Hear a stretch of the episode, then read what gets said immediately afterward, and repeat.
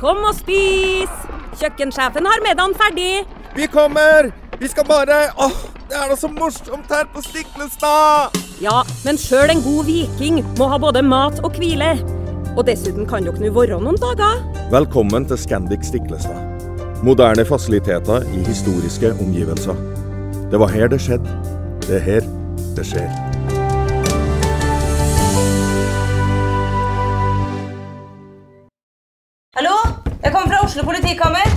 Ine Jansen er purk. Er du purk? The motherfucking bitch. Alt jeg vil, er å finne ut hva som skjedde med mannen min. Jon Carew. Er jeg sikta for noe? Iben Akeli. Det er du.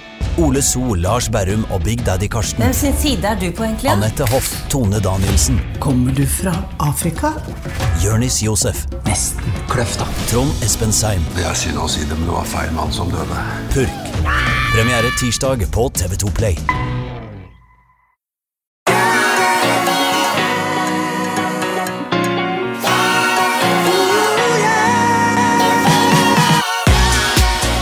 Velkommen til en ny episode av eh, Hjernesterk eh, med Ole Petter Helle som vanlig. Og så har vi Ingeborg Senneseth som er eh, gjest. Veldig hyggelig at du kunne komme, Ingeborg. Tusen takk. Perspektivet her er spiseforstyrrelser. Ingeborg, jeg har jo lest en del av deg, fordi at jeg har jo Aftenposten og hatt Aftenposten i mange år nå. Mm. papiravisa, selvfølgelig. og da leser man jo det som står Eller det er, jo, det er jo trist at man ikke får lest mer, må jeg bare si. ikke sant? Eh, Man ønsker å lese alt, men eh, man får jo lest eh, en del. Og jeg har lest mye av det du skriver. Og så har jeg også fått med meg dette her at du har jo vært ganske syk selv med, med spiseforstyrrelse, anoreksi. Mm. Og vi har jo fått litt spørsmål rundt dette med anoreksi i forbindelse med podkasten. Og jeg har jo også jeg legger også merke til med litt sånn uh, fortvilelse at en del mennesker, de, eller en del, velger jo å trene fordi at det handler kun om å gå ned i vekt, og så blir de gjerne litt fanget av det, Uh, og så kan det fort bli en litt sånn negativ spiral. Uh, Og jeg sjøl var idrettsutøver, og jeg har jo gått ut med det at jeg ble nok litt fanget av det selv, for da var det veldig del av dette med å prestere. Dette med at man skulle være tynn.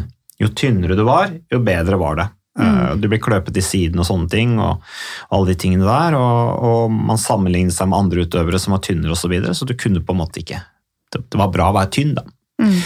Så eh, Ingeborg, eh, i forbindelse med det så tenkte jeg først, hva, hva er ditt eh, Vi kan jo først ta oss og introdusere deg litt. Altså, Ingeborg, du er jo journalist, samfunnsdebattant, forfatter og styremedlem i Norske Penn, altså Poets, Essayists og Novelists. Og det er så sjelden at noen sier hele pennforkortelsen. Nei, jeg måtte finne ut hva det egentlig står for. Ja, jeg er rett til å få meg en penn, liksom. Men det er jo, ja, symbolet er jo ofte en penn, derfor det handler om ytringsfrihet. Eh, Så da hender det at jeg reiser, nå selvfølgelig ikke under koronaen, men reiser til Tyrkia og er rettsobservatør, f.eks. Når det er journalister, redaktører og tegnere som eh, ikke får lov til å gjøre jobben sin, og som risikerer mange år i fengsel for det de gjør. Mm. Så det er sånn et sånn frivillig engasjement som, eh, som betyr veldig mye for meg. da. Ja, det skjønner jeg godt. Du er jo glad i å skrive selv. Du er vokst opp i Flå oppe i Trøndelag, eh, på en gård Ja. ja, med geiter. Ja, nå er det geiter der. Ja. Eh, Storebroren min har tatt over gården. Så der er det nå tre unger og en haug med geiter og noen høner og katter og sånn her. og Det er veldig, veldig gøy. Ja, herlig. Jeg hadde jo en geit selv, som var oppkalt etter Gunde Svan. Gunde. Hadde du én geit? Ja, hadde bare den, fordi det var, det var, altså, det var en dag det kom noen gående gjennom gården vår oppe i Viksjøen. Jeg var Ja. også oppvokst på en gård. eh, og så hadde de en geit i bånd, og så sa jeg at jeg vil også ha en geit. Da husker jeg vi kjørte et eller annet sted opp, langt oppe i Gudbrandsdalen, en av geitefarm, og kjøpte en geita, da, Gunde. Men ble ikke den geita ensom? Vi, akkurat, eh, vi, har tenkt, vi tenkte vi skulle snakke litt om ensomhet, vi skal ikke gjøre det nå, men den geita hadde jo hesten til søsteren min, Ja. og de bodde i samme bås. ja, men da er det greit. Mm. Så, men det er klart eh, Og så var jeg en del sammen. Jeg hadde jo med meg den geita i bånd. Så jeg ble bare kalt for geita i bygda, fordi det var meg og geita. da. Det var for- artig, det. Så, men men eh, Ingeborg, du, du var jo innlagt på sykehus i, i tre år. Er det så Eh, lenge? Er det riktig? Eh, ja, det, det er både riktig og feil. skal jeg si. Det var tre år til sammen som innliggende pasient. Mm. Eh, men over en periode på flere år enn det også, da. Men eh, det høres jo vanvittig ut, for det er et sånn nå da, Hvis jeg skal holde et foredrag og skal ligge to netter på hotell, så prøver jeg liksom å få tyna det ned til én, for jeg syns det er så kjedelig å ligge borte og, og være et annet sted enn hjem. Eh, Men eh, altså 900 eller hva for noen dager på sykehus der du har alt fra 8 til 16 samboere, deler do på gangen, har ikke nøkkel i din egen dør. Um, fra 7 om morgenen til 11 om kvelden så kan du til nød gå utafor eh, døren, men ellers er du jo låst inn. Eh, det er noen som kommer inn på rommet til deg hele tida. Det er noen som bestemmer hva du skal spise, hva du skal gjøre, når du skal i møter. Um, du kan ikke velge sengetøyet ditt, liksom. Eh, så det er, veldig, det er veldig rart å tenke på. Men det hele den perioden er jo litt som Det er litt som å ha vært litt som å ha vært på fylla, da, uten å ha vært så drita at du har glemt alt, men akkurat så full at du skjemmes litt over det du har gjort og ikke skjønner helt hva du drev på med. Men jeg skulle til å si, liksom, Man kan jo tenke på sånn tre tapte år, eh, men samtidig, i den perioden der, så blogget du jo.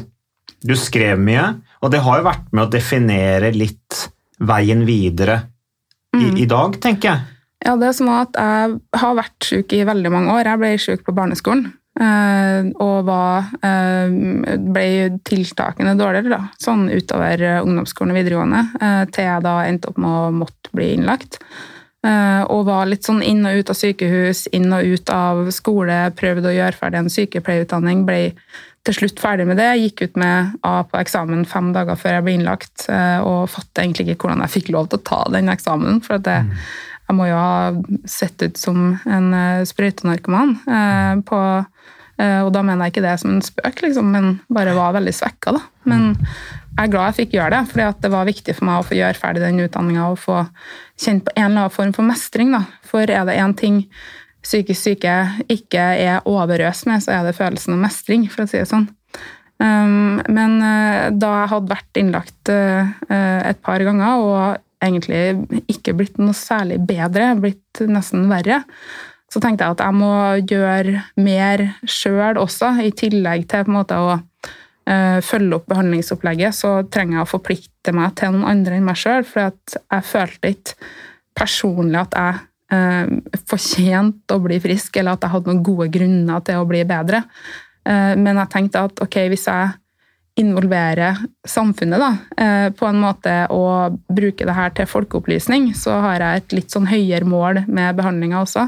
Mm. Så da starta jeg eh, bloggen for å vise hvordan man kunne jobbe mot spiseforstyrrelser, hvordan eh, det var på innsida av et norsk sykehus, eh, etter hvert flere norske sykehus, da, eh, og Eh, Det utvikla seg til å bli eh, en av eh, de største bloggene som var fordi at folk var jo veldig interessert. Det var jo lenge før det her ble mer mainstream. Da.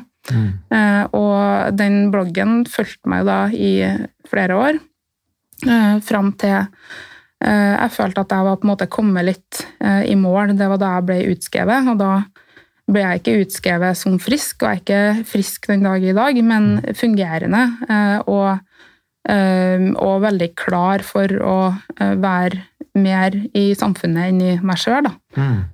og den bloggen tok jo også en ganske sånn kraftig vending uh, under 22. juli. For da ble jeg enda mer bevisst hvor vanvittig stort behov det er for at noen formidler de verste tingene på måter som folk vil lese. Jeg ble så fortvila da jeg så at folk ønska seg en av-knapp for 22. juli-stoff. Og da ble jeg sånn Hva skal du ønske deg en av-knapp for noe noen andre må leve med resten av livet? Hva, hva er det her for noe? Eh, og samtidig så skjønner jeg at man må porsjonere ut det man tar inn, men jeg følte bare at det ble så eh, For meg ble det veldig feil at de som ikke var berørt, skulle kunne stå og si høyt at de ikke ønska å vite så veldig mye om dem som ble berørt. Mm. For meg så ble det veldig å snu det på hodet, da. Men eh, det var litt av starten på å komme seg inn i journalistikken. Uh, Så da jeg ble utskrevet, så tok det et uh, års tid før jeg hadde klart å lande et vikariat i Aftenposten, som jo er veldig sjukt å tenke på nå. Men altså, all ære til dem som eh, så på en veldig rar CV Og syntes at det var ganske kult når jeg kunne si det at eh, jeg har jo store digitale ferdigheter. Jeg har moderert 15 000 kommentarer, og de bare wow! Så et hull på CV-en kan plutselig være det motsatte, da, hvis man bare vinkler det riktig. Ja. Men du er jo sykepleier, men Mm. eh, du har endt opp som journalist, på en måte. Så, Ja, men jeg har det jo med meg. Altså, sykepleie handler veldig mye om kommunikasjon, og det gjør jo eh, journalistikk også. Hmm. Men i, for, i forbindelse med at du utdannet til sykepleier, og du var jo veldig anorektisk, så anorektisk at du til slutt måtte legges inn, og du ble lagt inn rett før eksamen. Altså, Nei, rett etter fem rett dager. etter eksamen, ja. Eh, Altså, hvordan klarte du å fungere Hvordan klarte du å studere i den perioden der? Hvordan fungerer altså, Hvordan eh, henger kroppen sammen, holdt jeg på å si? Klarer du å tenke når du er så dårlig som det du opplevde var? Uh, ja, det her kommer til å høres litt rart ut, men jeg kan nesten tenke bedre når jeg har det verre. Eh, eller jeg føler det i hvert fall det sjøl, fordi at jeg har ganske mye hyperaktivitet i kropp og hode. Eh, og det er ikke en sånn der positiv ting at man Ja, da får jeg gjort så masse. Eh, Det handler mer om at du blir bombardert av tanker. Da. Eh, Det er litt sånn å sammenligne med at du spiller kanonball, at du bare er alene på den ene sida av banen, eh, og tankene står på andre sida og bare kaster alle ballene de har på en gang. Da er det innmari vanskelig å få tatt tak i den ene som du faktisk trenger. Eh, Men når jeg eh, skada meg gjennom eh, å sulte meg eller å overtrene, så ble det veldig mye mindre energi på alle de andre ballene på andre sida av banen. Eh, sånn at da fikk jeg mer, jeg fikk mer ro, eller jeg følte sjøl at jeg fikk mer ro. eh, at jeg fikk muligheten til å tenke på det jeg faktisk skulle tenke på. Så det var en ekstremt skadelig måte å gjøre det på, men det var den ressursen jeg hadde da. Eh, Nå har jeg jo lært mye mer og fått mange flere verktøy og klarer å, eh, å, å fungere på mye mer positive måter. Men av at det var den, det var den måten jeg kunne å selvmedisinere meg sjøl på. Det var på en måte det jeg var, jeg var god til å klare å konsentrere meg gjennom å skade meg. Og derfor så var det jo også en veldig nyttig sykdom, følte jeg sjøl. Så derfor så ble den jo også opprettholdt. Og det er jo sånn, hvis du, altså hvis du bare har en hammer, så er det eneste du gjør, da, at du driver og hamrer. Men eh, jeg trengte veldig mange flere verktøy for å klare å fungere uten å skade meg sjøl så hardt. da. Hvis det gir mening, gir det mening i det hele tatt? Det gir mening. Ja, altså jeg bare En sånn, uh, en sånn sammenligning jeg kommer på når du sitter og forteller, er uh, når min tidligere lagkamerat Tor Hushovd led seg gjennom sykkelløp i Argentina Argentina uh, rett før han la opp. Eh, og han, var, han, han klarte ikke å henge med, men han skulle komme seg til mål, og han tok da en, en sånn eh, nål fra startnummeret og begynte å stikke seg selv for å kjenne på, for å, for å skape mer smerte. Sånn at han skulle lide seg over fjellene. Det, liksom, det var bare akkurat det bildet som, som, som slo meg. Da. Um, men at du må være under et veldig press for å kunne prestere, er det en litt sånn tolkning som uh, At du må på en måte presse hardt for å kunne prestere med det du vil? Er det, tolker jeg det helt feil da, eller? Jeg tror i hvert fall det er utrolig viktig at når man snakker om spiseforstyrrelser eller selvskading eller rus eller alkohol eller sexavhengighet, alle de tingene som folk gjør for å ha det litt bedre, at man klarer å se at det her er, eh, er metoder folk bruker av en grunn. Da. Det er ikke bare sånn at det er kjempesynd på dem som er syke, og kjempepositivt for dem som er bedre. Det er litt mer sånn hvis man har slutta å bruke rus eller spiseforstyrrelser, så kan man si 'oi, hvordan har du det da?' Mm. Istedenfor å si 'å, så fantastisk, da har du det sikkert kjempebra'. For at det var jo en grunn til at folk brukte det. Mm. Og heller da anerkjenne litt at bare Nei, fy søren, da, da må du ha gjort en stor jobb, og da kanskje du ikke har det så bra nå, da, men kanskje det føles verdifullt. Mm. For det, man, må, man må skjønne hva det er folk bruker det til, og kanskje finne noe nytt du kan bruke, da. Og det er ikke bare enkelt. Nei, det, det skjønner jeg. Det er, det er mye eller vanskelig psykologi. Men, eh, men Ole Petter, vi, vi, vi satte oss ned og så tenkte vi skulle ta opp dette med, med anoreksi og, og spiseforstyrrelse. Eh, og så ble vi enige om at vi skulle vente litt med det. Eh, du er jo lege, men du er en ydmyk fyr, så du ønsket på en måte å få litt andre Rar kombinasjon. Ja, altså, ja, det var faktisk litt artig at du sa, for det er jo gjerne sånn noen, for noen mennesker så er det jo sånn at leger har monopol på sannhet. Det, det, ute eksisterer det. Det spørs på legen. Ja, det spørs på, men jeg har i hvert fall opplevd det. da. Eh, Kanskje blant litt eldre. Også at det er noe med autoriteten som legene har også. Så, så har jeg opplevd det. At det ikke stilles noen spørsmål rundt det legen anbefaler, for at legen sier det. ikke sant? Eh, Og det, sånn skal det jo helst være også. Eh, Men, men for vi, vi fikk jo et lytterspørsmål eh, fra en person, jeg vil ikke si navnet hans, fordi jeg vet ikke helt om, om det er greit, men han skriver i hvert fall om at han har en kone som har spiseforstyrrelse, og så er dette her med om det er bra at hun å trene med henne. Altså om, om mosjon er bra i en sånn tilstand. Eh, jeg vet ikke, Hva tenker du umiddelbart om det, Ole Petter? Nå er det stort sett jeg og Ingeborg som har prata her. Jeg, Ja da, men det går fint. Jeg kommer, til Du, altså, denne podkasten handler jo i stor grad om fysisk aktivitet som et folkehelseverktøy. Og i dag så er det jo et stort folkehelseproblem at 75% av befolkningen er inaktive. Og jeg snakker jo mye om at fysisk aktivitet hadde vært en pille, så hadde alle tatt den, med alle de helsegevinstene den har. Men så må vi huske også at det er en bakside. Den er ikke helt bivirkningsfri. Det er noen som har et lite heldig forhold til treningen. Den kan bli overdreven, man kan bli skadet, det kan bli tvangspreget. Og, og Det er også et ledd i en del av de som utvikler spiseforstyrrelser, at man har et uh, uheldig forhold til treningen. Det blir først og fremst et verktøy for å kontrollere vekt, kanskje. Og, og som fastlege så syns jeg det har vært ganske vanskelig. Jeg møter jo mange av disse pasientene. Så har det vært en del eh, diskusjon da, om ja, hvis man lider av spiseforstyrrelser, bør man trene eller bør man ikke trene? Mm.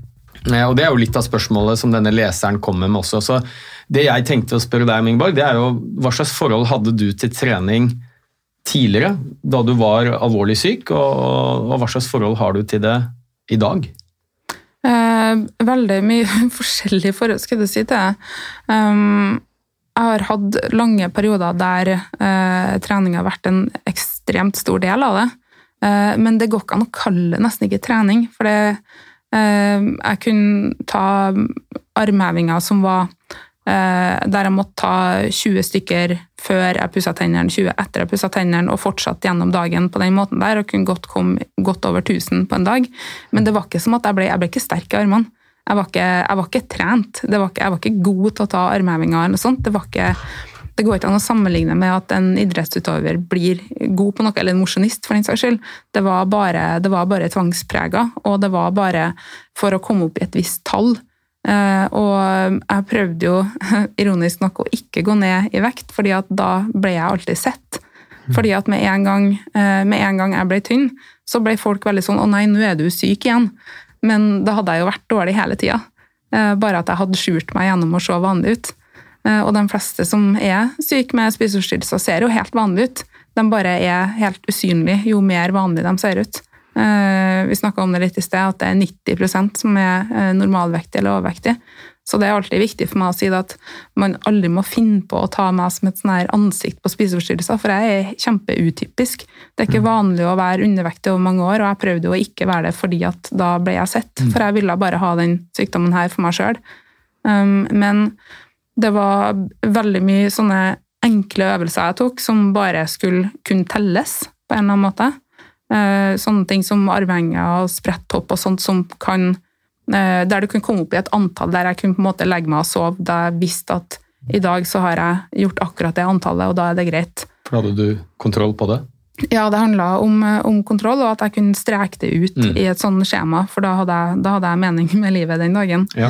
Eh, og det, det, var ikke, det var ikke noe sunn eller positiv trening da, men en av de første gangene jeg opplevde sunn og positiv trening, det var faktisk da jeg var innlagt for første gang. Um, jeg sa jo at var, jeg ble dårligere av flere av innleggelsene, men ikke av, ikke av akkurat det. For der var det noe sånn, det var noen mannlige sykepleiere der eh, som syntes det var veldig gøy med gym. Eh, Så vi hadde en gymsal der vi liksom var og leika oss, mer eller mindre, da, og spilte kanonball og sånn, selvfølgelig. Eh, Og fotball og alt sånt. og Det var litt sånn småbrutalt, nesten. Og jeg husker at vi syntes det var så gøy, hele gjengen av eh, oss pasientene. Det var sånn fri, friøyeblikk, da. Så selv om vi var fysisk aktive, så var det ikke Det kunne ikke telles eller måles. Det var eh, bare det å få følelsen av å ha brukt kroppen.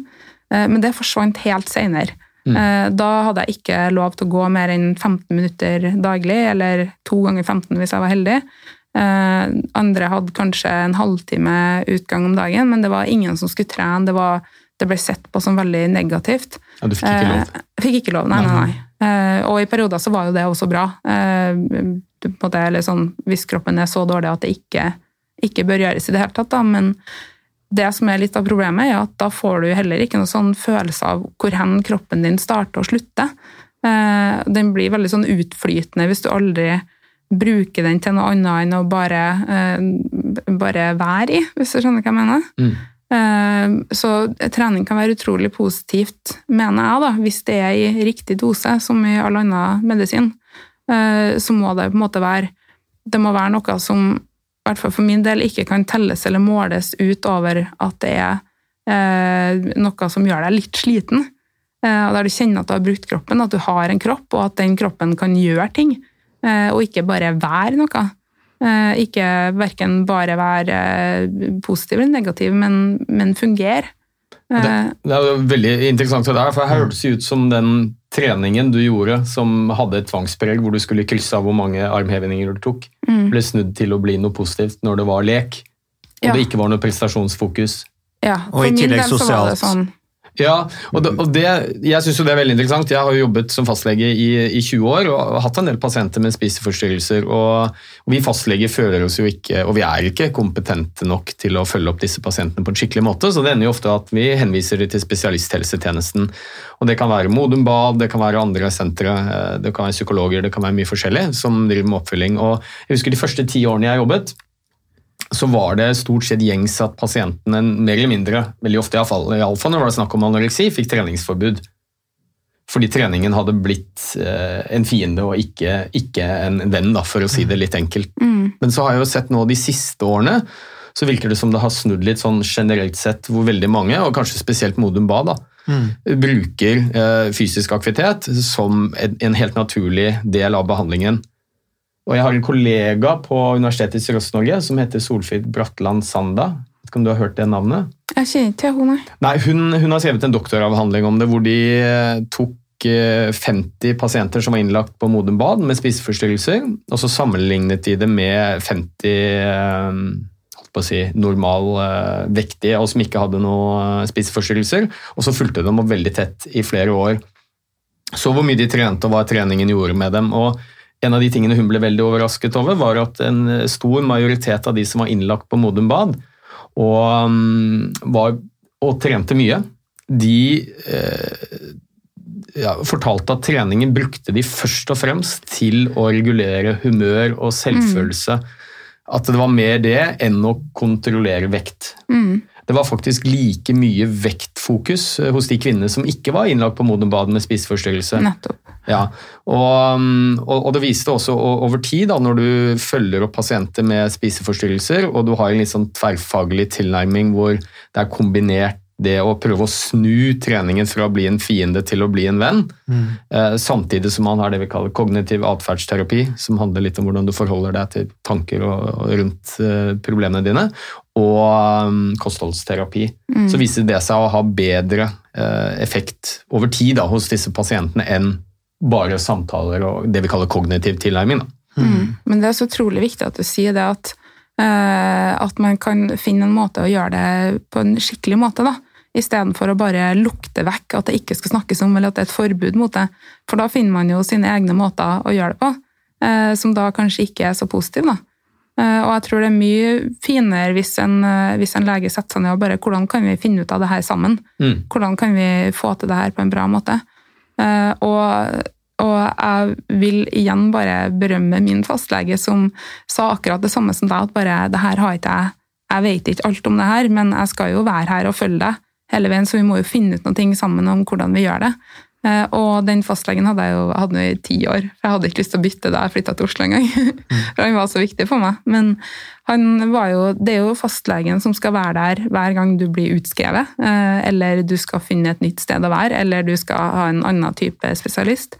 Eh, Og det var også fastlegen som når jeg kom inn på kontoret hans, som rulla stolen bort fra pulten og bare 'Hvordan er det med deg nå?' Mm. Eh, og som så på meg istedenfor å bare se på eh, om jeg hadde gått opp eller ned i vekt. Eh, og det var også han som eh, kikka meg i øynene og sa at 'nå vet jeg at du lyver til meg'. For han hadde observert at jeg hadde klart å gå opp den avtalte mengden i vekt. Mm. Eh, Men han observerte jo også at jeg hadde vann stående ut av øynene omtrent. Fordi at jeg hadde da drukket eh, så mange liter at jeg da eh, veide nok. Men det var jo bare væske i hele kroppen. Og han sa at jeg ser at du lyver til meg, men jeg vet ikke helt hva jeg skal gjøre med det. Og det her må vi finne ut av. Ja. Og sånn, Han avviste aldri, han var aldri sånn han, han må jo ha vært litt skuffa når jeg bare ble dårligere og dårligere. Det er sånn du føler jeg kanskje ikke som verdens beste lege når pasienten din bare liksom skrumper mellom hendene dine. Og redd han, også, kanskje. Ja, han Mm. vet jeg var det. Han mm. var veldig opptatt av at vi skulle ha en avtale etter påske, f.eks., eller etter sånne perioder, sånn at han kunne eh, se at jeg kom tilbake. da. Fordi at eh, selv om jeg var anorektisk, så var jeg også veldig pliktoppfyllende. så jeg møtte alltid opp til avtaler og sånn. da. Så jeg kunne jo aldri funnet på på en måte, og jeg kunne ikke ha dødd i påska, jeg hadde jo en avtale.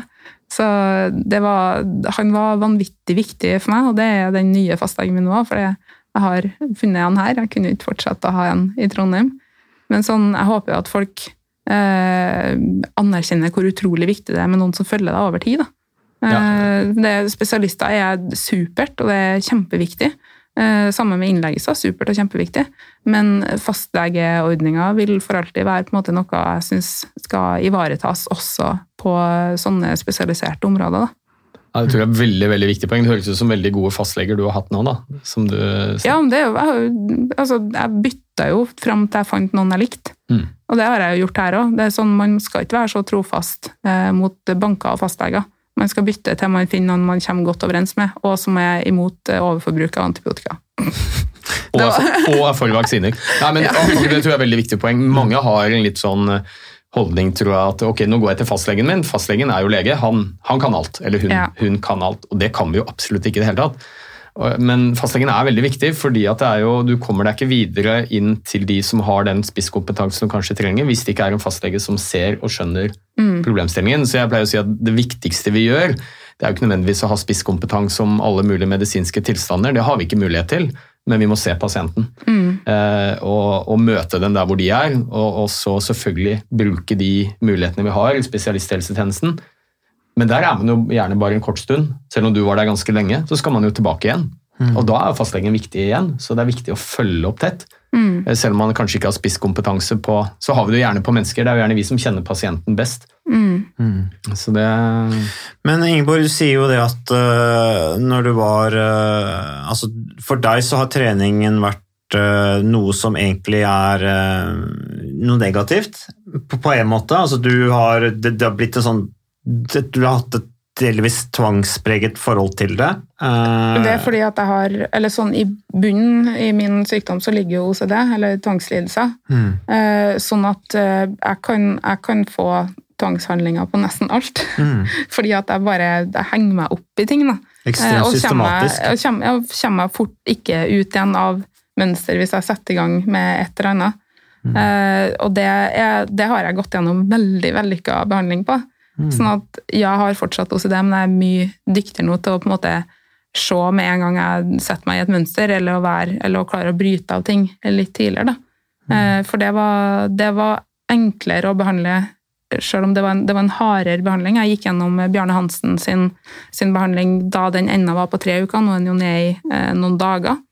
Eh, men det å se at eh, den angsten du har for det Ukas annonsør det er HelloFresh. Og eh, hvis du nå går inn på hellofresh.no og bruker koden 'fresh hjerne', så kan du få opptil 1779 kroner rabatt på da de fem første matkassene dine hvis du ikke har prøvd Hello Fresh enda.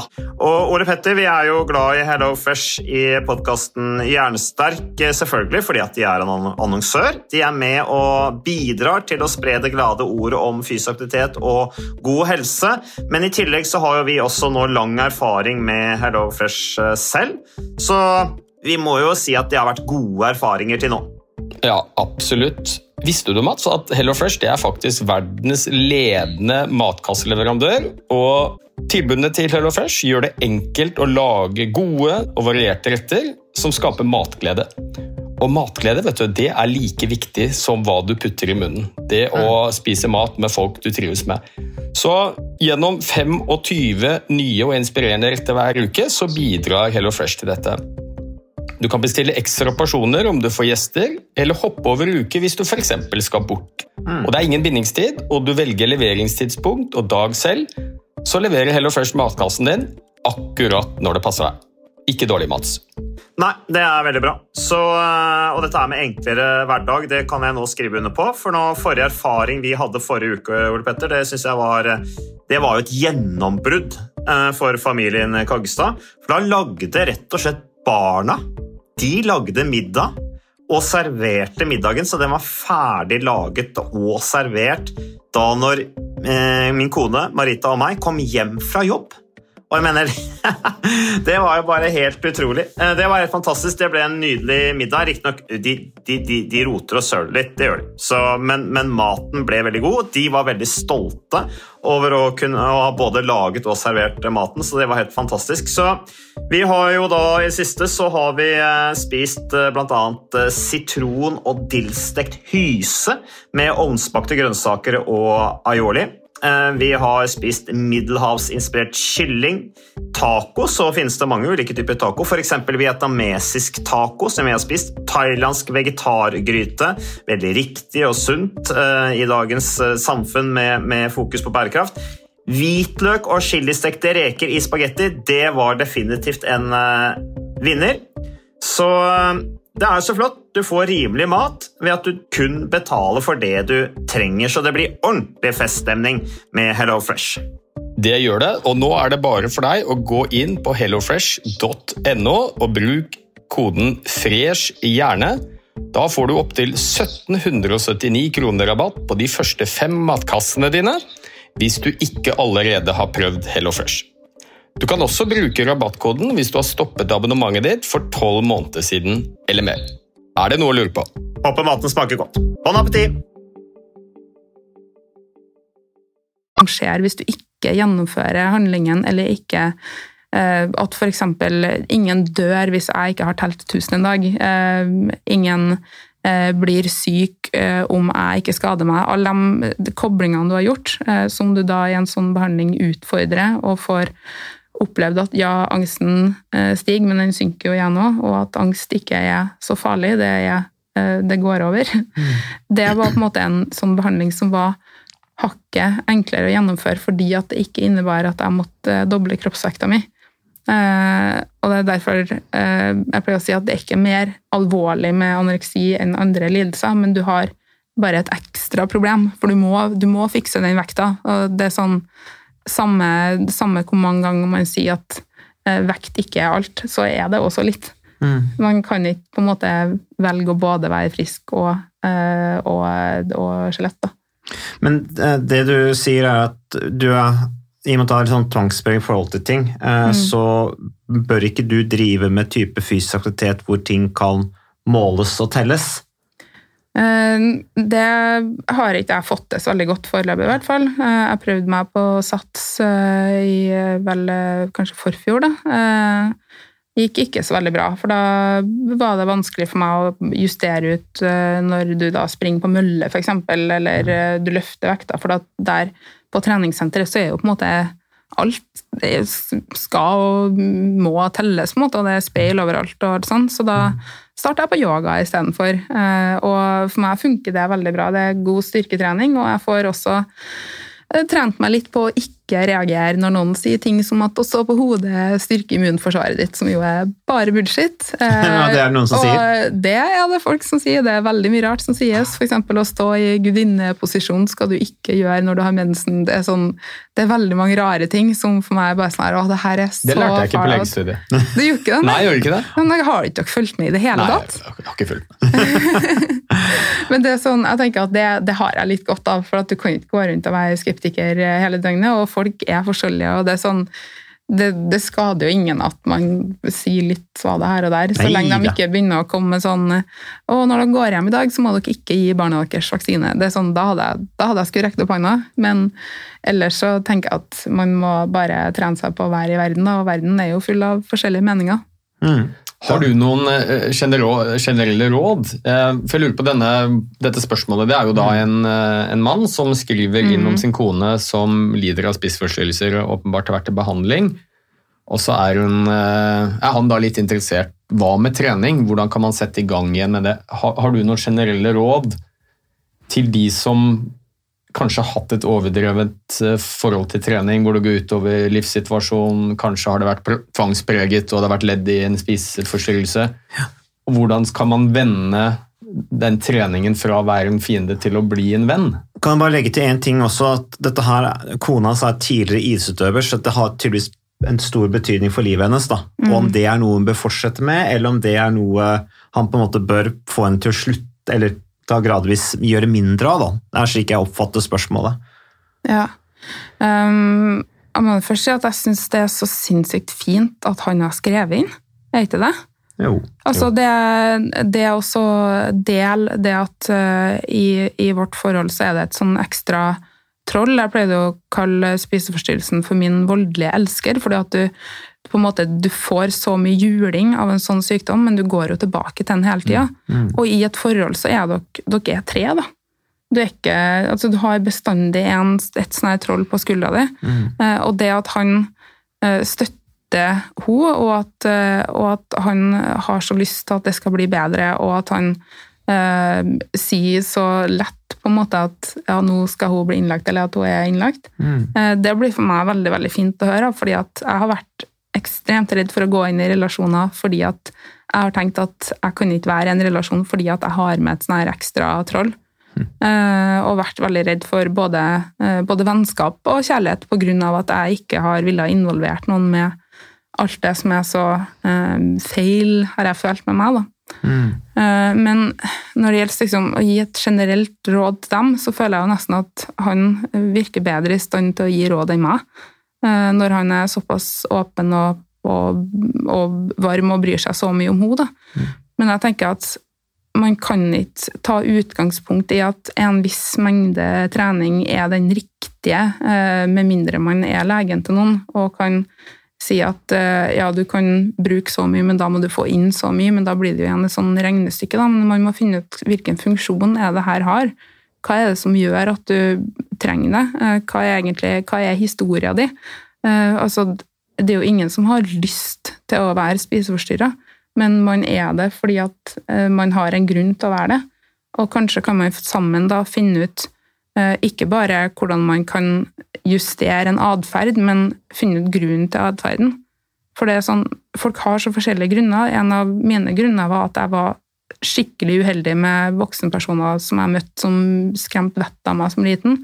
Eh, En annen grunn var at jeg var så urolig at jeg trengte å dope ned meg sjøl for å være roligere. Mm. Og det er sånn en annen person igjen kan ha, enten ha blitt utsatt for et overgrep eller blitt mobba på barneskolen. Det er, sånn, det er tusen grunner, da, og det er ingen grunner som er riktig eller feil for å ha fått en alvorlig spiseforstyrrelse. Og andre igjen kan kanskje eh, i hermetegn eh, bare ha vært opptatt av å bli god nok i en idrett, og så bekka det på et eller annet tidspunkt. Sånn at det er så viktig at vi tenker at ingen grunner er riktig eller feil, men den grunnen noen har til å bli dårlig, må eh, kunne snakkes om og kunne se om går det an å erstatte med noe annet. Eh, og også kanskje, kanskje har det mye å si med utseende for hennes del, eller kanskje har det mye å si med vekt for hennes del. og det er sånn, Man må få snakka om det. Og jeg føler meg litt hykler når jeg sier det. fordi at nettopp grunnen til at jeg var så redd for å snakke om det, er det at jeg da har eh, frykta å gå inn i relasjoner. da. Eh, og nå eh, så står jeg på en måte på litt sånn tampen av det at jeg har eh, surra meg inn i en relasjon likevel. Eh, og der den andre personen er veldig sånn ja, men du må snakke med meg om det, og, og jeg tenker er du gal, liksom. Du kommer til å synes at jeg er det verste mennesket på jord. Men det virker som at folk ikke blir så lett skremt som jeg har trodd, da. Eh, både venner og, og, og, og andre. Vi har jo alle Tåler våre ting mye. her i livet da, som vi må dele med noen. Ja, og takk for at du sa noen ting, nå, for nå følte jeg at jeg bare snakka og snakka. noe. Men ja, jeg tenker Man kan ikke ha dårlig samvittighet for alt heller. Nei. Og så er det noen, det er noen sånne råd som er kanskje lettere å si generelt, eh, og som ikke nødvendigvis går på det når du er i et forhold. Da.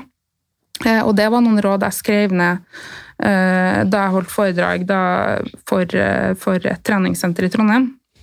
Eh, og de var veldig nysgjerrige på hvordan kunne de nærme seg en person som de så at var syk, eh, men var usikre på hva de skulle si. Ja, for det er litt interessant at du har blitt invitert til et treningssenter for Ja. å holde foredrag om anoreksi. Ja, For du er, ikke, du er jo ikke liksom den stereotype foredragsholderen i et treningssenter. Men det er jo veldig bra at, at treningssentrene har det fokuset. Men det er ikke sinnssykt fint. Jeg syns det er så bra. Bare all kred til dem. Jeg håper at alle treningssenter tar det fokuset, for at der, eh, de vil jo møte veldig, veldig mange. Eh, Og et råd til dem var jo det også ikke, eh, ikke egentlig være så på utkikk etter hvilket utseende folk har, men heller se på atferden. Eh, Er det folk som dukker opp på forskjellige senter til forskjellige tider, f.eks. på samme dag? Eh, Er det folk som er veldig besatt av akkurat den ene tingen de gjør? Eh, For du ser det ikke på utseendet. Altså, folk kan være, eh, se superfriske ut eller overvektige. Eh, Men en viktig ting for meg var å si at du må forvente å bli avvist når, noen, eh, når du tar kontakt med noen og spør om det, fordi det er så sterkt knytta til skam. Eh, og det er ingen som har altså Hvis du går bort til noen og sier bare 'hei, jeg lurer på om du er spiseforstyrra', så hvorfor skal de svare på det? Det eneste man oppnår da, er jo at de kanskje da går på et annet treningssenter istedenfor. Uh, I hvert fall gjør noe av det. Uh, Så i hvert fall ikke forvent for mye av den første samtalen, men kanskje gjør det som, uh, som hun som tok kontakt med meg, gjorde, da, og si at uh, jeg ser at du ikke har det bra, eh, og det her er ikke mitt fagområde, men det er mitt ansvar eh, at vi prater om det, eh, og vi er nødt til å finne ut av det her. Eh, Så hun var opptatt med det å være både modig eh, og snill, men også streng. Og si det, og si det med det alvoret det er, at jeg kan ikke ha deg på mitt senter, men jeg vil heller ikke at du skal dra på et annet senter, så vi må finne ut noen ting som du faktisk kan gjøre, eh, som da ikke er ødeleggende for deg mens du er her. Eh, Og, og ikke forvent at du får liksom verdens beste respons på den første, da, men si det at, og så tar vi en ny prat til uka. Eh, og også tenk at det er ikke, det ikke deg, det er sykdommen. Eh, og det, er jo, det gjelder jo han som har skrevet spørsmålet òg, at hvis han blir løyet til eller avvist eller lurt, eller hun blir sjukere, så er ikke det på grunn av at han har stilt opp, men av at det er en sykdom. Da. Og så prøv igjen, og ikke, ikke gi opp, da. Eh, altså Hvis folk hadde gitt opp på meg, så hadde jeg aldri kommet noen vei. For det, jeg ble jo ti år med å liksom drive og bli dårligere, bedre, dårligere, bedre, dårligere, bedre. Lyg til masse folk. Eh, gjør helt forferdelige ting som jeg på en måte bare Ja. Eh, og også det at trening er positivt, men det kan misbrukes. Eh, og det er jo sånn med veldig mange andre ting. Eh, Prosecco jeg elsker jeg, men jeg skjønner jo det at det kan misbrukes hvis man vil. Så det er som med all annen medisin, at eh, hvis det har virkning, så har det eh, potensielt også bivirkning. Eh, og jo sterkere virkning noe kan ha, så jo sterkere bivirkninger kan ha. Men til slutt så er det alltid at involver helsepersonell og tenk deg at du skal ikke være behandler, verken, verken en trener eller en ektemann eller en kjæreste eller en kone, hva som helst, skal være behandleren. Eh, det trengs flere, da. Gir det mening? Ja, det jeg ser, ser på legen. Da, Ja, ja, ja det, du, det gir absolutt mening, og jeg, jeg syns det er veldig fint at du sier disse tingene. Jeg, jeg tenker nå på denne mannen da, som skriver inn på vegne av sin kone. Det er jo Hun er tidligere idrettsutøver og har slitt med en kombinasjon av eh, spiseforstyrrelser og depresjon. Mm. Kanskje litt vanskelig å vite hva som kom først, men vi ser jo at det er en ganske betydelig overhyppighet av depresjon også hos de med spiseforstyrrelser. Og jeg tror det at Hvis vi skal få anerkjennelse for fysisk aktivitet som et sånn viktig verktøy for folkehelsa, så må vi også anerkjenne at det har bivirkninger. For Vi snakker jo gjerne om at det er mirakelkur, og, og fysisk aktivitet er jo bra for oss alle, men det kan misbrukes også. Og den, den baksiden av medaljen tror jeg vi må anerkjenne at det kan bli problematisk. Det kan, det kan brukes negativt som et verktøy til å oppnå et mål som ikke er sunt. ikke sant?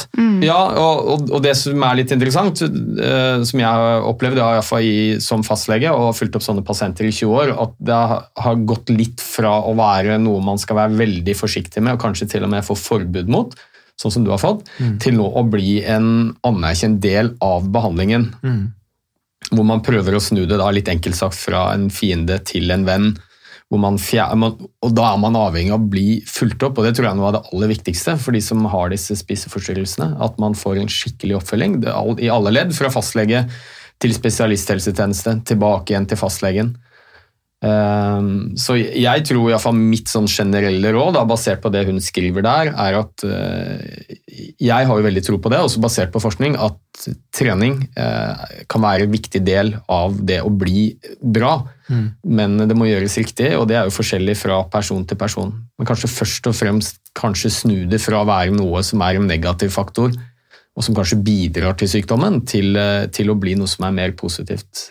Og vi ser jo i disse store studiene at veldig mange bruker det for å regulere emosjoner og følelser kanskje mer enn bare å bruke det som et verktøy for å gå ned i vekta. Og så er det veldig vanskelig å vite hva man gjør når òg. ja. For det er sånn, til tider kan jeg føle at bare ja, nå bruker jeg trening bare positivt, og så er det noen som sier at eh, du, du har et intervju i morgen klokka ti, og så har jeg egentlig en trening, da. Mm. Og da, og hvis da verden rakner der og da, så skjønner jeg at ok, nå er det kanskje ikke bare positivt, når, når det bare bikker helt for det blir en liten endring. Ja. Sånn at det er vanskelig å vite hva som er hva og når, men da er det utrolig viktig at folk vet at det, det å feile litt, eller det å bli dårligere og så bli bedre osv., det er ikke noe katastrofe. Det, tvert imot så er det litt der livet er òg, da. At man på en måte har dårligere og bedre perioder. Men det viktigste er å prøve å fylle opp med de gode tingene, da. Ja. Eh, For min erfaring, i hvert fall nå etter uh, veldig, veldig mange år som syk, er at det er mye lettere å fylle på med friske ting enn å slutte å gjøre syke ting. Mm. Det er bare det at når du fyller på med, syke, nei, med friske ting, så blir det mindre plass til det syke. Da. Ja. Eh, og det skjer litt sånn av seg sjøl, på en, en veldig ja, Det er det eneste jeg kan kalle litt sånn magisk. da. Mm. At hvis man har uh, flere ting man gleder seg til, eller har lyst til å gjøre som er positive ting, eller er sammen med mennesker man er glad i, eller går en tur og prater med noen som bor langt unna, f.eks., eller hva som helst da, som fyller opp dagen med eh, litt bra ting. Eh, og det trenger ikke bare å være koseting, det kan være eh, f.eks. å jobbe som frivillig, da. Eh, eller å jobbe med negative ting, men som jeg føler er positivt å jobbe med, fordi at jeg syns det er viktig. Eh, altså bare det å gjøre en innsats for verden, eller det å gjøre koselige ting, alt det er friske eh, elementer. Og jo flere du har av dem i dagen og livet ditt, jo mindre plass er det til de syke. da. Ja. Eh, og det syns jeg er en mye lettere måte å, eh, å forholde meg til verden og meg sjøl til, enn at jeg skal prøve å slutte med det syke. Altså, Det er ingen som klarer å slutte å tenke på en tanke man først har tenkt. Nei. Det, det er bare ikke sånn hjernen funker, men man kan registrere at ok, nå, nå tenker jeg på det. Eh, Da er det om å gjøre å ikke hoppe på det toget, da, Mm. eh, og la det gå videre. Men jeg bare tenker på, I forhold til dette med fysisk, du har jo trent, og trening har vært litt sånn negativt lada, tvangsprega tidligere. eh, Men har du vært bevisst, eh, bevisst eh, gevinsten av fysisk aktivitet i forhold til det mentale? Jeg tenker på i forhold til uroen du snakker om. Eh, Jeg vet ikke, Er det, det en slags ADHD, eller er det, det noe helt annet? Jeg er utreda for ADHD, ja. men Ja. sånn, eh, det, det er ikke noe jeg pleier å snakke så veldig mye offentlig om, egentlig. Nei, nei. Fordi at jeg jeg vet ikke, eh, jeg føler at jeg har så mange diagnoser. Er sånn, jeg syns det er veldig greit at folk forbinder meg med, med journalistikk og kritisk tenkning, og ikke, ikke min eh, CV med diagnoser. Eh, Sånn at jeg tenker at det liksom får hold med anoreksien. Mm, ja, ja, men eh, jeg bare tenker på Men i forhold til sånn- bevissthet rundt dette med uro og sånt. Har du, har du tenkt på trening som på en måte en slags sånn noe som er bra for deg? Altså sånn bra for eh, mental ro, eh, bra for, at, eh, for hvis man har dårlige dager i forhold til uro rundt angst, depresjon. Har du tenkt på fysisk aktivitet i et sånt perspektiv? Ja, når, når det er uh, noe som gir meg noe bra tilbake, eh, og som eksempel eh, en, en kveld her for ikke så lenge siden, da, så så eh, sitter jeg da og prater med eh, en person jeg er veldig glad i, og så etter hvert utover kvelden så er jeg så urolig at jeg, jeg klarer ikke å følge med på samtalen. Jeg får ikke med meg eh, hva, vi, hva, vi, er inne på av tema eller noen ting. Det er bare, det er bare kaos, da. Eh, og eh, spør da mer eller mindre midt i samtalen bare sånn Du, jeg lurer på om vi kanskje skal ut og gå en tur, for jeg er litt sånn urolig der. Eh, og han ser jo at ting ikke er bra, og tenker at ok, men da kler vi på oss og går ut, da. Og så går vi en i et ganske heftig tempo, sikkert sånn mer eller mindre kappgang liksom opp på eh, toppen av Keiserløkka og kunne liksom se utover byen og se Holmenkollen. Og, og oppå der cirka, så kjenner jeg at ting liksom begynner å synke. Da. Mm. Eh, og da er det jo fysisk aktivitet som på en måte har klart å ta over uroen i hodet eh, en liten stund. Eh, og det å bare bruke kroppen og både svinge på armene og trampe i bakken, alle sånne ting som gjør at du på en måte blir Eh, stempla til verden, på en måte, da, eh, og ikke bare eksisterer oppi hodet ditt, er for meg veldig positivt eh, der og da. fordi at tidligere så ville min løsning på så mye uro i hodet, det ville heller ha vært å kaste opp eller å skade meg eller mm. å, å, å, ikke spise hele den dagen, fordi at da roer hodet seg også. Men å erstatte det med å gå tur sammen med noen du er glad i, mm. det er jo helt, sånn sett ganske fantastisk. da. Ja, For da er du inne på at du fyller det med noe godt, da. Ja, men det, det, er ikke så lett å tenke sånn der og da. Men jeg har jo, eller etter veldig lang tid, fått den erfaringa at, at du ikke er nødt til å gjøre negative ting hver gang. men sånn, det er en sånn erfaring du må bygge deg opp, og det er derfor jeg er så opptatt av at folk ikke må gi opp når de ikke får til å bli bedre. For mm. det krever jo tid, og det krever det at man lager seg nye mønster og har et mønster først satt seg eh, i fem år. da så skal, det, så skal det mer til enn at noen forteller deg om at ja, men du kan jo gå en tur neste gang. Mm. Det er ikke sånn at du da liksom etter fem år bare sånn Ja, stemmer det, sånn var det. Det er sånn man, man må kun gå på en smell og så prøve igjen neste gang. Da. Mm. Eh, men så gikk jo det veldig bra den kvelden. Eh, det er sjokkerende bra, og så går egentlig ting ganske bra om dagen, tror jeg. Mm. Så det, det, det, er fint, da. At det går an, det òg. Men eh, det har jo vi snakket om det, at vi føler, altså for min del òg, jeg føler også uro og at fysisk aktivitet, trening, mosjon, kall det hva du vil, det gjør at jeg blir mer rolig etterpå. At jeg mm. får spenninger ut av kroppen. Det er jo litt derfor jeg gjør det, egentlig. Akutte følelsen etterpå. Mm jeg har ganske mange pasienter som, eh, som har hatt spiseforstyrrelser, og, og, til dels har det fortsatt, som, som har et ganske sånn ambivalent forhold til trening og mosjon og bevegelse, fordi det har vært en eh, De har hatt et litt sånn destruktivt forhold til det. Altså, det har vært en del av sykdommen deres. Og og ja, I perioder også vært litt sånn tvangspreg. Og så har de fått behandling hvor det å være i fysisk aktivitet har blitt øh, en del av behandlingen, spesielt på Modum Bad. Mm. Og så er det noen som tenker da at ja, ok, nå har jeg gjort treningen om fra å være en fiende til å bli en venn. Men det er jo ikke så enkelt heller. Jeg tror veldig mange av oss som øh, kanskje hovedsak hatt et positivt forhold til trening, og det har vært bra for både vår fysiske og mentale helse.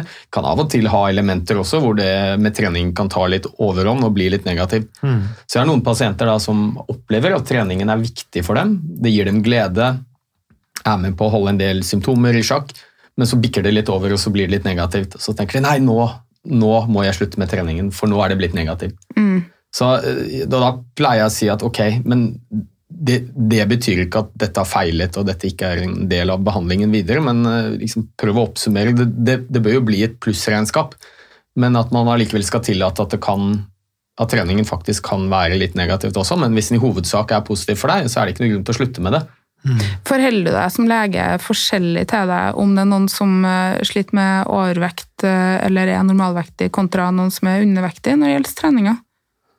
For det syns jeg var veldig positivt der jeg var innlagt. at Den gymtimen, det var ikke sånn at eh, det var Altså, det var kanskje to undervektige, fem normalvektige og to overvektige. da. Mm. Som gjorde akkurat det samme. Ja, nei, altså, Jeg tror jo veldig mange, også leger, tenker at har du en med spiseforstyrrelse, så er det en som har anoreksi og er veldig tynn, undervektig og, og så undervektig at det er skadelig. Men de fleste med spiseforstyrrelse er jo normalvektige. Mm. Mm. Sånn at jeg prøver å forholde meg til treningen helt likt. Altså, sånn sett, eh, mer Det handler om hva slags forhold du har til den, og hva gjør den for deg. Er den et positiv, positivt element i livet ditt, eller er det, er det en destruktiv greie? Um, og prøver å snu litt det der, da, og iallfall for mine pasienter, og som har ganske like sykehistorier som det jeg leser her, så, så handler det jo om, veldig ofte om noen som har lyst til å ha treningen som en del av livet sitt, men opplever at det er blitt da en fiende istedenfor en venn. Eh, og prøve å snu det på et eller annet vis. Og det kan jo handle om å, å, å fjerne det, noe av det som er veldig målbart. Prestasjonsfokus eller vektfokus. eh, Og finne noe man rett og slett syns er gøy, og at det blir lek. Istedenfor noe som er veldig strukturert og målbart, og som jeg tror har en større risiko for å bli et destruktivt element i hverdagen. da. Ja, Og så kan når- det jo også ja, være unnskyld- ja. Når du sier, eh, eh, når du sier at den, når du refererer til den turen da, du hadde med vennen Mm. eh, her om dagen hvor, hvor du måtte ut og gå, da tenker jeg det, da, da bruker du jo til noe på en måte positivt. da. Men Jeg tror det var hvis, veldig positivt, ja, da. hvis du da, men hvis du går ut og så løper du maraton, Mm. ja, da er det kanskje litt Da er det ikke så positivt lenger, da. Eller at du gjør det alene. Ja.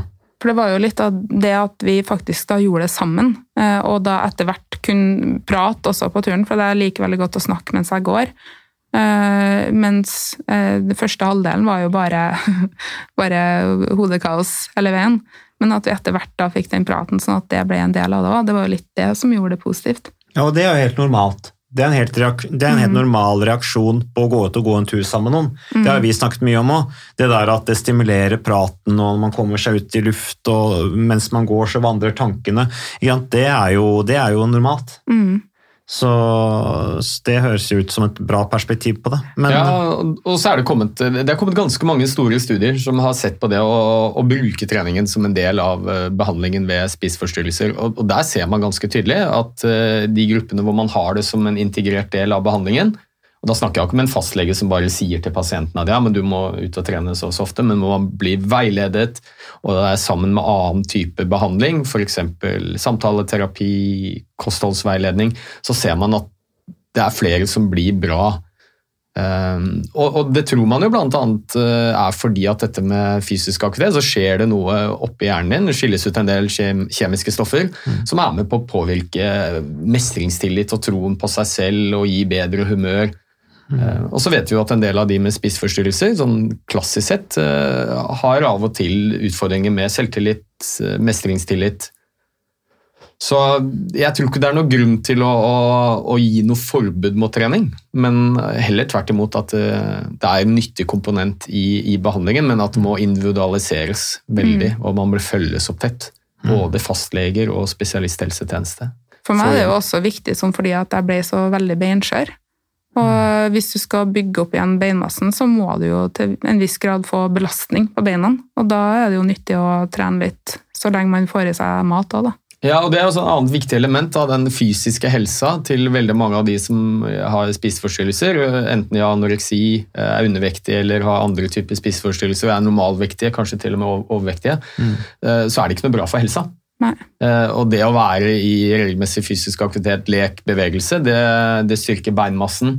Osteoporose er jo et uh, velkjent problem, uh, og, og det gjør noe med risiko for hjerte-karsykdom, som disse pasientene har økt risiko for, og ja, generell helse.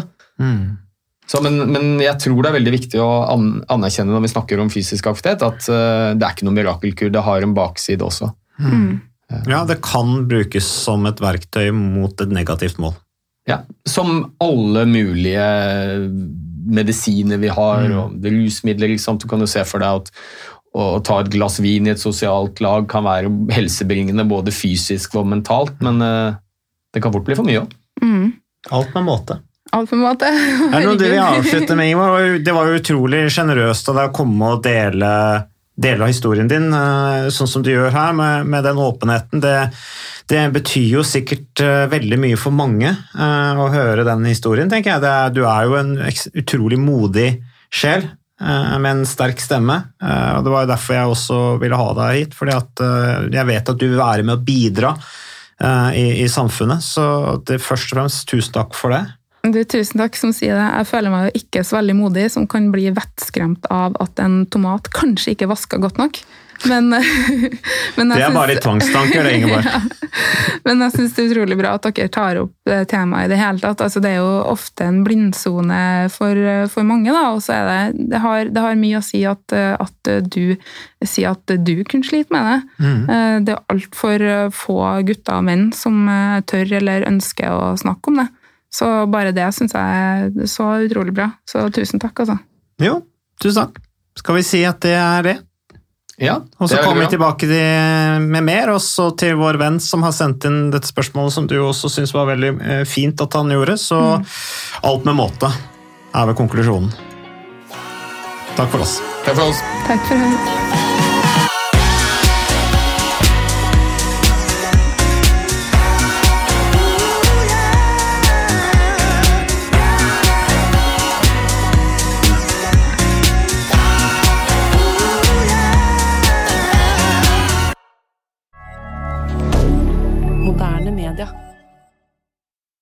Har du et enkeltpersonforetak eller en liten bedrift? Da er du sikkert lei av å høre meg snakke om hvor enkelt det er med kvitteringer og bilag i fiken, så vi eh, gir oss her, vi. Fordi vi liker enkelt. Fiken superenkelt regnskap.